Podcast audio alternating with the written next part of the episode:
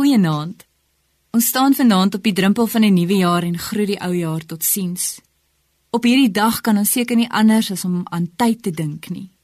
In ons wandel met die Here is om te wag op die Here se tydsberekening seker een van die moeilikste dinge om te bemeester.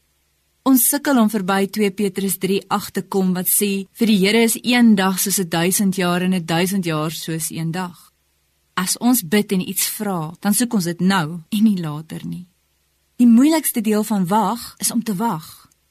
Wag by ons tyd en ons weet nie wanneer ons wag sal verbygaan nie.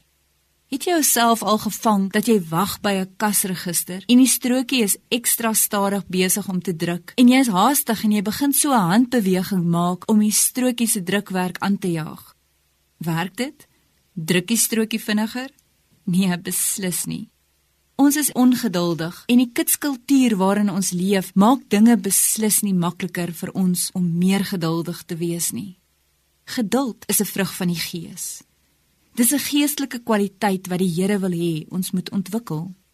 Die verhouding wat daar bestaan tussen twee sweefartiste in die sirkus beeld op 'n besondere manier die verhouding uit wat ons moet hê ook in ons verhouding met die Here.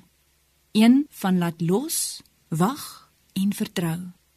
Die sweefartiste wat hulle self die Flying Rodellas genoem het, vertel dat daar tussen die een wat die balk laat los en die een wat die ander een vang, 'n baie spesiale verhouding is. Die verhouding word bestuur deur baie belangrike reëls soos die een moet laat los en die ander een moet vang.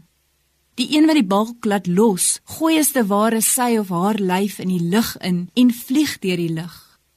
Sy werk is om aan te hou vlieg totdat die sterk hande van die vanger hom of haar op net die regte oomblik vang.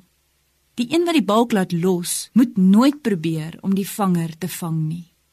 Die een wat die balk laat los se werk is om te wag in absolute vertroue.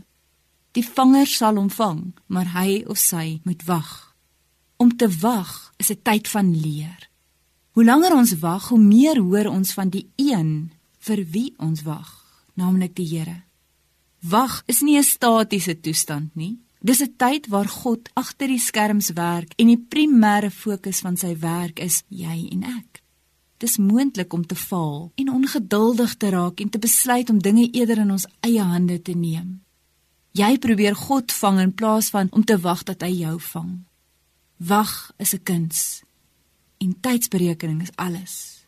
Maar God is 'n goeie vanger as ons laat gaan in gehoorsaamheid.